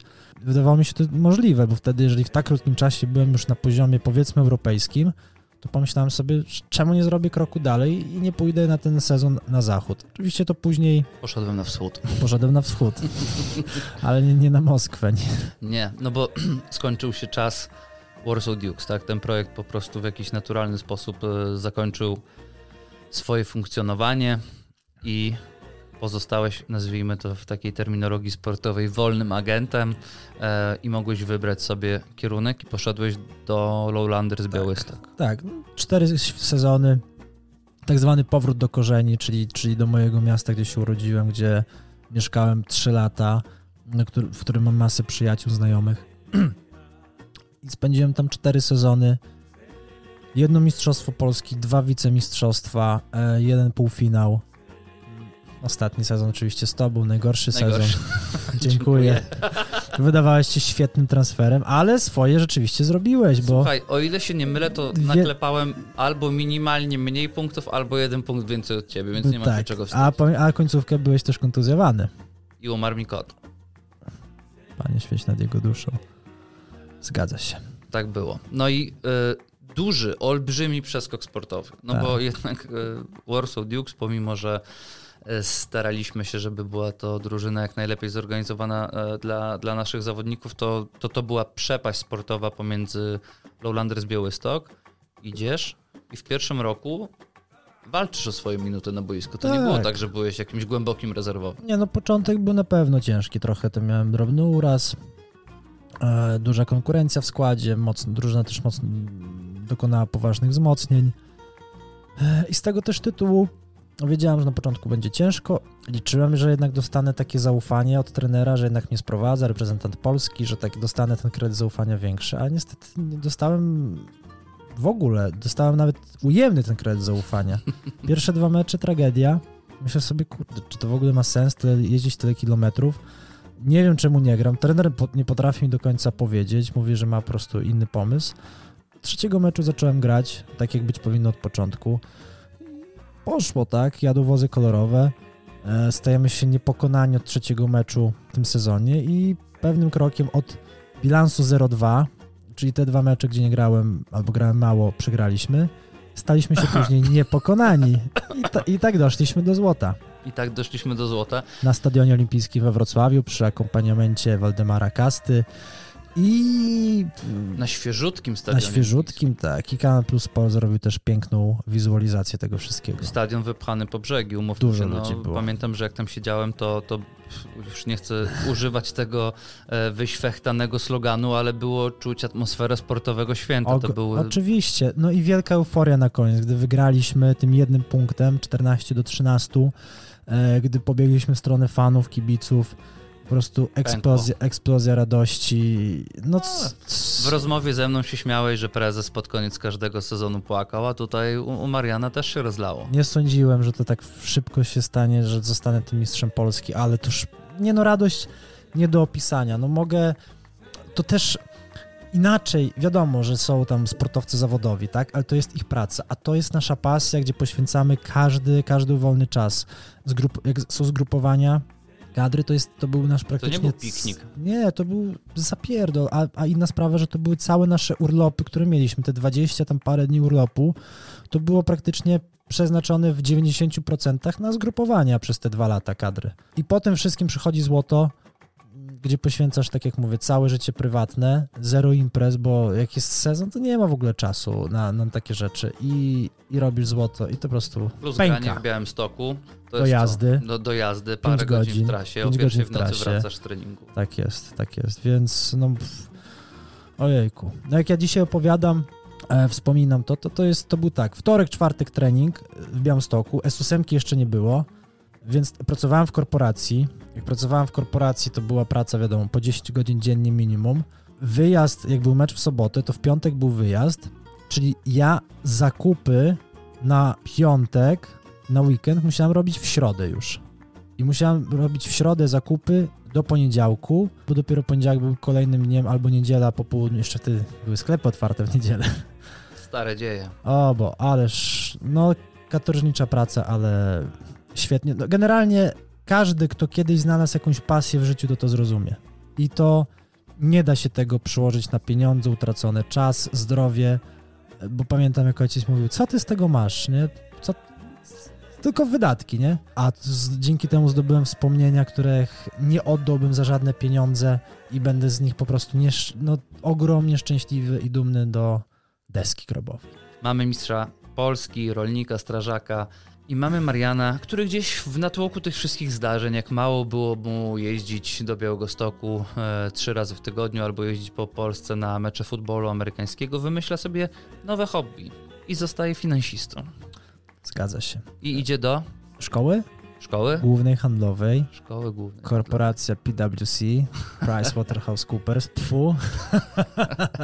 Albo i nie tfu, bo Jeśli- cenna szkoła życia. Jeśli tak, jeśli ktoś tam pracuje, słuchajcie, idziecie teraz, robicie teraz tak, otwieracie Worda, piszecie wypowiedzenie, drukujecie, podpisujecie Podpisujecie. i zanosicie do smutnej pani w okienku. No dobra, ale to dzisiaj jesteś takim mędrkiem, a rozpocząłeś y, studia na kierunku, to były finanse, tak? Finanse, rachunkowość, zacząłem oczywiście dziennie, skończyłem zaocznie z racji futbolu amerykańskiego. E, tak, jak powiedziałeś, myślałem, że złapałem Pana Boga za nogi, że w ogóle praca życia, że teraz to, to już będzie w ogóle Jak zajebiście. dzwonił ten Marian do mnie i mi opowiadał, pokój do gier, piłkarzyki, tu PlayStation, można się ścigać, Ludzie kierownicy. się bawią, piją. Tutaj będę miał tyle wolnego, wyjazdy, no i Ci ludzie tacy pozytywni, wiesz, ta energia od nich Ty do tryskała. mnie dzwoniłeś, ja sobie pomyślałem, kurde, no ja chyba źle rozumiałem, zrozumiałem przez całe życie ten mit korporacji. On Zapraszam. tutaj jest w jakimś Edenie. Pracuje po prostu w rajskich ogrodach. To ja, Adam. A po roku zobaczyłem Mariana i wyglądałeś jak Joda przez chwilę przed Nie śmiercią. było tam żadnej Ewy i okazało się. Same węże. Same węże. Same jabłka. Absolutnie. Znaczy, tak jak wielokrotnie kiedyś rozmawialiśmy, każdemu młodemu człowiekowi po studiach, czy w trakcie studiów, polecam pracę w korporacji, przynajmniej ten rok, żeby zobaczyć, co ludzie są w stanie zrobić dla awansu, dla podwyżki, dla posady, dla dobrych re- relacji w pracy z dyrektorem, z menadżerem. Ile rzeczy, ile główna muszą przełknąć, żeby znaleźć się w tym swoim wymarzonym miejscu. Mm, Taka mała, e, mała polityka, taki, mm, jak to się mówi, mał, mała symulacja życia politycznego. E, Zamiast partii masz stanowiska i tym, i tym handlujesz. Później każdy na każdego mateczkę. Ale później jak chcesz gonić swoją tekę, żeby być gdzieś wyżej, to niestety musisz ściąć parę głów po drodze, co? E, oczywiście, że tak. I, no i tak, tak jak wszędzie, jeżeli ktoś ma na ciebie jakieś haki, no to jesteś jego własnością i też wtedy twoja pozycja może sobie spokojnie rosnąć, dopóki się nie wychylasz. Ale tak jak powiedziałem, warto jest spróbować zobaczyć, mm, jaki świat może być perfidny, dwulicowy, zakłamany i czy ten świat korporacji jest dla ciebie, bo nie każdy potrafi rozgraniczyć życie zawodowe od prywatnego w 100%. A jest Jeżeli- czas na życie prywatne? to, co ci zostaje Na sen. ale jeżeli nie potrafisz zostawić mm, pracy w pracy i gdzieś tam ze sobą część zanosisz do domu, to prędzej czy później niestety wykończysz się psychicznie, bo no musisz naprawdę być, tak jak powiedziałem, mm, osobą dwulicową, taką wy, wyprutą z empatii, brudną, brudną. Jezuniu, ale się porobiło. I tak, i to jest, to jest, to jest ohydne po prostu i nie każdy, nie, ka- nie każdy jest Nie, no może nie, nie można wrzucać wszystkich do, do jednego wora, bo zawsze jest jakiś dział IT, gdzie chłopaki przychodzą w Ja sandałkach, wrzucam. w sandałkach i skarpetkach i mają się dobrze w Ja tych wrzucam. No ale mówię na, przykład, na przykładzie audytu w Warszawie. Bo to jest taka kolejna odważna decyzja, bo ten proces rekrutacji był e, wieloetapowy, tych Zgadza chętnych się. było od groma, więc wydawałoby się, że byłeś w takiej pozycji, o którą wiele osób dałoby się pokroić. Ile tam spędziłeś czasu? Dwa i pół roku. I no sporo też ludzi później dziwiło się, że tak bez doświadczenia udało mi się gdzieś tam dostać i tam biorą takich ludzi po, po dziwnych kierunkach studiów, żeby trochę zróżnicować, bo nie zawsze jest tak, że e, w, akurat w tej działce jesteś najlepszy, bo tam skończysz A studia. myślisz, że to jest trochę taki żer na ludzkiej naiwności? Na, na pewno, to, to tak jak, jak e, czasem się obiecuje w telewizji Złote Góry.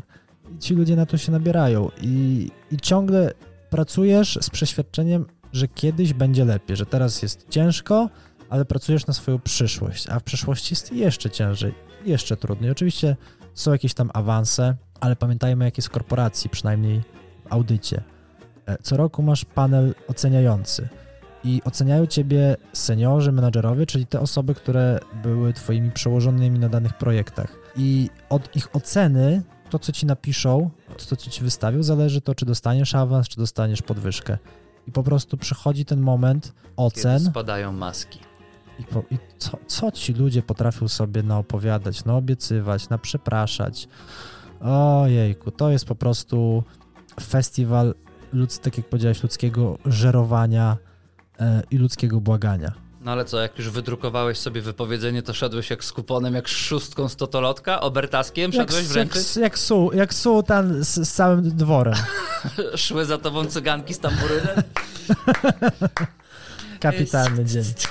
A to nie było tak, że miałem jakiś plan na życie, po prostu chciałem stamtąd odejść i tyle, już miałem dość. Bo tam też jest tak, że jeżeli masz powiedzmy jakieś dłuższe L4 spowodowane operacją, problemami zdrowotnymi, wypadkiem, to przychodzisz i są dwie opcje. A.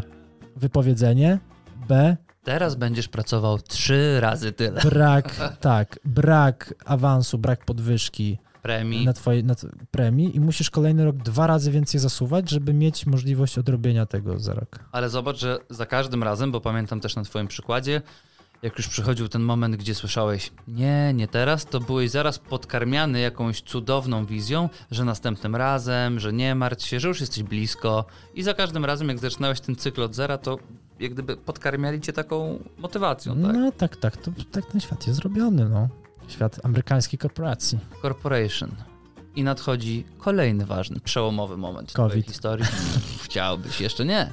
Google Box przed telewizorem. Nasz Marian, człowiek tak wielu hobby, tak wielu zainteresowań, z takim bogatym doświadczeniem, dostaje się do telewizji. Jak się dostał do tej telewizji? No, ty, ty, ty nas po znajomości wepchnąłeś. Po znajomości, Po znajomości po znajomości języka polskiego. Worda. Napisałeś zgłoszenie, wysłałeś nasze zgłoszenie. Jak wiadomo, w międzyczasie castingowaliśmy się i nagraliśmy pilot Common Sensa, programu, Ale który nie, nie, nie, nie, bo my na casting z Common Sensa zostaliśmy A, zaproszeni po po, przejściu. Tak. castingu do Google Box. Tak, dostaliśmy się z, do Google Boxa w trochę innej ekipie. Później w międzyczasie szukaliśmy tego trzeciego. Dostaliśmy później propozycję spróbowania w innym programie, ale oczywiście pod warunkiem, że jak to nie wypali, to możemy wrócić do Google Boxa. Oczywiście nie wypaliło, jak to 90% projektów telewizyjnych. Wróciliśmy do Google Boxa. Mm, no, oczywiście na początku jakąś tam marginalną rolę tworzyliśmy. No i przyszedł też Felek, który był jako trzeci, trz- trzeci, trzeci, bo, Trzeci z trzecich. bo najpierw był Blacha, nasz serdeczny wspólny przyjaciel, później Malan, twój bardziej przyjaciel, e, który zapomniał ile potrafi wypić i przeholował przed castingiem. Niestety usnął w Usnął. Została nas dwójka. Doszedł Felek, którego po prostu telewizja pokochała i pokochali widzowie i kochają go do dzisiaj za jego skromność, małą niezdarność, o której może nam niedługo opowie, No i za bycie ofiarą licznych ataków werbalnych Tak. kolegów z kanapy. i naturalność. I ta się kariera, przygoda zaczęła kręcić i kręci do dziś. Na pewno myślę, że nie żałujemy z tego ani, ani jednego dnia. Dejta podwyżkę. Przepraszam. Chyba, że już nas nie ma. Zaszczypało mnie w gardle. Jeszcze jak rozmawiamy, to jeszcze tam jesteśmy. Pomodlimy się do Matki Boskiej Pieniężnej. No ale dobra, wchodzimy, wchodzimy, wchodzisz, bo dzisiaj koncentrujemy się na tobie. Być może wchodzimy jako chórzyści, wchodzisz jako chórzysta do dużego formatu, bardzo dużego formatu. Formatu, który w swojej oglądalności w tamtym czasie stanowi realne zagrożenie i konkurencję dla największych programów rozrywkowych w telewizji, nie tylko w TTV, bo y, Google Box u szczytu swojej sławy miał taką samą oglądalność, jak nie wyższą, niż na przykład Kuba Wojewódzki. To jesteś lepszy w tych statystykach, więc ufam. Był taki moment, gdzie trochę zachłysnąłeś się tą przygodą, że ja jestem w telewizji, ja teraz możesz mnie oglądać, zobacz, jestem, jestem celebryta. Nie, to tylko jedyne, jedyne co, to zauważyło się jakąś tam, wiem, rozpoznawalność na ulicy. Absolutnie niezwiązany z tym żaden większy przywilej. Eee, Ja nie, ani razu nie myślałem o tym, że to jest jakaś tam, nie wiem, jestem gwiazdą, bo tak jak powiedziałeś, jesteśmy, wszyscy jesteśmy tam chórzystami. Mm, Niektórym może udaje się e, zaśpiewać jakiś recital świąteczny w Filharmonii Wiedeńskiej na Nowy Rok. E, Jest parę osób, które zrobiły karierę medialną dzięki Google Boxowi. Oczywiście są to jednostki, ale jednak udało się, te okno wystawowe odpowiednio wykorzystały. Czy my to wykorzystaliśmy? Czy ja to wykorzystałem? Nie wiem. Na pewno staramy się używać tych narzędzi w odpowiedni sposób, czego też pewnie owocem jest ten bulwar podlaski, bo y, mogliśmy dostrzec, że bawimy już nie tylko siebie, ale tam parę osób w Polsce też potrafi śmiać się z naszego dowcipu. Może nas lubi, ma jakąś sympatię i, i dzięki temu człowiek mógł też może w siebie lepiej uwierzyć, zbudować taką wartość nie tylko siebie, ale też swojego żartu. Napisać Felkowi fajną książkę, którą uważam za faj- ciekawą komedię. Może kiedyś będzie złota reedycja na stulecie. Stulecie winy. e, tej zbrodni przeciwko literaturze. E, ale tak jak kiedyś rozmawialiśmy, TTV ma taki fajny zwyczaj, że czerpie ze swoich bohaterów, zapożycza ich z jednego formatu i wrzuca w drugi w jakieś pojedyncze epizody i, i my również mogliśmy takie przygody przeżyć, czy to w programie Walk the Line, e, czy w programie Orzeł czy Reszka, czy byliśmy w trójkę na dziesięciolecie stacji na 99 gra wszystko. Dzieją się to różne rzeczy, rozłożone w czasie. E, raz jest ich więcej, raz jest ich mniej. Czy był taki moment w twojej głowie, kiedy pomyślałeś sobie, kurde, może dostanę jakąś szansę, może zrobię coś w tej telewizji, może, nie wiem, dostanę jakiś program do poprowadzenia, coś, coś, coś więcej niż Googlebox. Masz takie ambicje w ogóle? Chciałbyś coś takiego zrobić? Nie, tylko tak jak tobie powiedziałam, że gdzieś może w pewnym momencie urodził się taki pomysł, że możemy zrobić coś, coś innego, coś swojego i gdzieś wyczerpać, czerpać z tego doświadczenia albo czerpać z tej bazy e, widzów, którzy nas oglądają i, i zarazić ich może naszym jakimś innym, ciekawym, świeżym pomysłem. No nie ukrywajmy, że jednak w Polsce mamy trochę niedobór, uważam, dobrej rozrywki, takiej właśnie w luźnym amerykańskim stylu, e, gdzie człowiek i się bawi, i trochę może gdzieś jakiejś wiedzy zaczerpać, łyknąć, może kogoś poznać ciekawego, posłuchać ciekawego wywiadu, bo ja też wychowałem się w czasach arcy nieciekawych e, wywiadów ze sportowcami, pomimo, że ci nie zawsze mają coś ciekawego do powiedzenia, ale też byli bardzo nudno prowadzeni. A co do naszej trójki, to bardzo to szanuję i myślę, że tym też zdziwiliśmy, może zszokowaliśmy parę osób z telewizji, że przy takich propozycjach udziału w niektórych programach yy, czy akcjach zawsze sztywno szliśmy w trójkę, tak? Czyli mówiliśmy, że albo idziemy w trójkę, albo, albo nie idziemy wcale. No, tak, bo były takie pomysły, że dwójka rozdzielić. Wybierzcie sobie. Para potrzebna, tak. Oczywiście miałeś tam, kto to kupi, ale wyskok. to już wyskok, ale to już jest. Bity gwóźdź z powrotem w deskę. Inna, inna historia zupełnie. Do szeregu. ale tym szliśmy i taką, tym takim scementowaniem nigdy nie daliśmy się rozbić. Myślę, że też to było czymś zaskakującym dla, dla pewnej ilości osób. No, myślę, że generalnie, kiedy odpowiadasz na jakąś propozycję z telewizji nie, to jest to dość duże zaskoczenie, tak. bo nie wydaje mi się, żeby to byli y, ludzie przyzwyczajeni do odmawiania. Ale y, jesteś, te, jesteś też na Instagramie Mariano Futbolistę, tak jak mówiliśmy, subskrybujcie, Biurko Forsą. Rewanżuje się. My tutaj mocno, mocno będziemy y, cisnęli z autoreklamą i wydawać by się mogło, że kiedy masz 60 tysięcy plus, to byłbyś największym Instagramowiczem z Trzciannego, o, a tymczasem... Absolutnie. A tymczasem jest walka. Są więksi. Z kim walczymy? E, z Adamem Dzierżycem, z Rolnik Szuka Żony. Już sprawdzam ile ma. E, który został też ofiarą, został takim felkiem rolnika, e, Rolnik Szuka Żony, programu Rolnik Szuka Żony, gdyż związał się z królową pieczarek. Przepraszam, to są najświeższe informacje. Jesteś największym Instagramowiczem czcionnego. Oklaski, wielkie brawa. Nie. Wielkie brawa. Gdzie mamy brawa? Tak jest, dajcie aplauz. To jakieś dislajki tam musiały pójść. No i dobrze, niech ma. A, bo się pocofały teraz te indyjskie, indyjskie lajki hinduskie. No i nie ma, i ma 57. No i, pozdra- no i kto na sołtys? Pozdrawiam serdecznie. I zatara. Liczymy szable. Liczymy szable, jak za starych dobrych czasów. Pospolite ruszenie. No ale dobra, jesteś gościem z niesamowitą, fajną historią, pełną ciekawych przygód, dużej ilości sukcesów, e, bo jak czasami sobie e, myślę o tobie wieczorami zasypiając. Mm. E, Mogę ci pomruczyć, nagrać. Nie, dziękuję uprzejmie. To zastanawiam się, zastanawiam się czy, czy ty jesteś jeszcze marzycielem, który spełnia swoje marzenia, czy po prostu człowiekiem, który wyznacza sobie cele, a następnie je spełnia, więc trudno tutaj znaleźć to rozgraniczenie ale możesz robić masę rzeczy, a jednak postanowiłeś, że nie będziesz internetowym celebrytą, a. że nie będziesz e, życzył ludziom smacznej kawusi, udanego weekendu, miłego poranka. Dlaczego? Wiesz co, ludzie, może, może najpierw do pierwszej części. E, jestem, nareszcie chyba jestem marzycielem, bo e, zbudowałem sobie takie fundamenty, mm, takie umiejętności, które wiem, że gdyby to, co robię teraz, każdą nową jakiś projekt, inwestycję, e, wypłuczę mnie do zera, to, to mam, mam ręce, mam umysł, które pozwolą mi spokojnie się odkuć e, w przyszłości, więc w końcu nie boję się marzyć. A co do zostanę influencerem, kilka razy, nie wiem dlaczego, ale goście z kierowcy Ubera mnie chyba jako jedyni o to się pytali. Ci Nepalczycy? Mm, Pol- Polacy Okej. de facto. I, I nie ci gwałciciele. Bo, Białe kruki. bo teraz jest podobno wie, dużo- Plaga. plaga gwałcicieli e, w Uberach. I to, było- to było, to oni się pytają, że dlaczego w ogóle nie, nie reklamujesz, nie nagrywasz, przecież taka szansa, możesz tyle pieniędzy zarobić.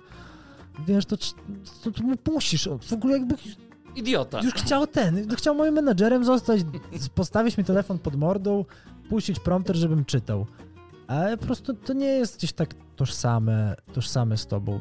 Dużo ludzi na przykład próbuje na siłę mm, to zrobić, mają jakiś krótki epizod w telewizji i marzą sobie, że tak teraz będą tym influencerem, e, wrzucą tam te paski na zęby, czy tam inne gówno i to jest tak po prostu nienaturalne, nietożsame z nimi, że oni się pewnie też później tego wstydzą, bo mm, jak nie jesteś autentyczny, to szybko wypłynie to A mi się wydaje, że to poczucie wstydu i żenady Oj. przemyka tak szybko, jak tylko Łykasz? przychodzą pieniądze na konto. A druga sprawa jest taka, że tak wspomniałeś, jestem strażakiem, inżynier, pro- prowadzę budowy e, i gdybym zaszedł na budowę Reklamując zupki i, w słoikach. i zaszedł na przerwę, jak chłopaki jedzą obiad i oglądają sobie, jak, jak mówię do kamery o zupkach chińskich, czy o jakiejś wyszczuplającej, e, wyszczuplającym kremie do, do salcesonu, do, do fałdy, czy jakichś paskach na zęby, oni by w życiu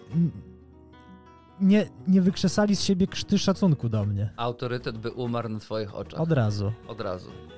No ale to jest, nie ma tam takiej pokusy, łatwego pieniądza, że mogę dorobić. No, nie żebyś biedował, ale yy, bo, bo jesteś osobą, która, która ciężko pracuje. No ale wiesz mniej więcej jakie są stawki. Tutaj możesz sobie wrzucić zdjęcie plus relacje za 1000-1500, zrobisz parę takich i się nie musisz martwić. Nie chcę być na pewno banerem reklamowym. Nie wiem, czy kojarzysz chojniczankę chojnicę. To jest piłka nożna? Zgadza się. Chojniczanka Chojnice ma masę takich mikrosponsorów i każdy z tych mikrosponsorów ma swoją powierzchnię reklamową na stroju. I oni tych sponsorów na stroju mają chyba około 20, Wyglądają jak drzewko świąteczne. albo jak e, żużlowcy. Z kolei tenisiści e, ziemni mają bardzo skromne reklamy, bardzo małe, ale powiedzmy ci topowi, ale takie luksusowe, no może nie luksusowe, No tak, no to są marki luksusowe. Ma marki Tenis, golf. luksusowe, ale te współprace są takie elitarne, można powiedzieć. Oczywiście w odpowiednich proporcjach. Wiem, Czy- że jesteś fanką Martini Hingis, jej urody, albo byłeś. E, to jednak e, bliżej mi do takiej, czy AS Romy, czy Barcelony, czy Igi Świątek, niż takiej chojniczanki chojnice. Więc Czyli, że kiedyś nadejdzie ten moment, gdzie będziesz miał już takie CV. nie wiem, czy będę w tym momencie, czy w ogóle dojdziemy do tego kiedykolwiek. Jeśli już, to w tym kierunku. Wolę, wolę zjeść raz porządnie i ze smakiem wytrzeć usta, niż całe życie babrać Podjadać. się, podjadać, wiesz, Przekąski. Tak, z, zdechłymi hot dogami i wątpliwej jakości mięsem i bułką. Cóż, ja mogę jedynie życzyć y, sobie i światu. Wesołych świąt. Że, też, ale to nagramy kiedy indziej. Żeby jednak było więcej tych Marianów, czyli ludzi, którzy metodą prób i błędów kroczą przez życie, spełniają swoje marzenia albo zapracują sobie na ten przywilej, jak mówiłeś, żeby wreszcie móc marzyć, niż żeby było tak dużo osób, które e, nagrywają zbędny wszystkim content. Marian. Cieszmy się z małych rzeczy, bo Wow, jeszcze wokalista. Nie miałem tego na liście, ale nigdy nie jest za późno, żeby dopisać. Było mi bardzo miło, było mi niezmiernie miło, fajnie. Naprawdę Również, to mi jest, również. e, Wielkie szczęście i przywilej, że można ludziom opowiedzieć Twoją historię, którą tak ładnie rozpisałeś, a ja starałem się moimi siłami prze, prześlicznie ją przedstawić. Ghostwriter. Fajnie, że wpadłeś. Fajnie, że mnie zaprosiłeś. No, musisz tu być częścią, bo jesteś współprowadzącym. Więc ostatni raz sobie siedzisz rozciągnięty na krzesełku i tak flirtująco odpowiadasz na moje pytania, prężąc plecy czy tam lędźwie, cokolwiek teraz robisz. Dziękuję. a z- jeszcze e, zareklamuję nasze studio, które jest kozackie, przepiękne, fantastyczne. Mamy fotele z masażem. O, tak. O, Jeśli kiedyś zostaniecie zaproszeni i średnio was obchodzi, co mamy do powiedzenia, to przyjdźcie chociaż, chociaż na masaż. Tak. Trzeba wpisać zaproszenia, że mamy fotele z masażem. Do, dla gości. Tak zrobimy. Jeszcze raz dzięki, Maria. Dziękuję również. Trzymaj się, papa. Buziaki.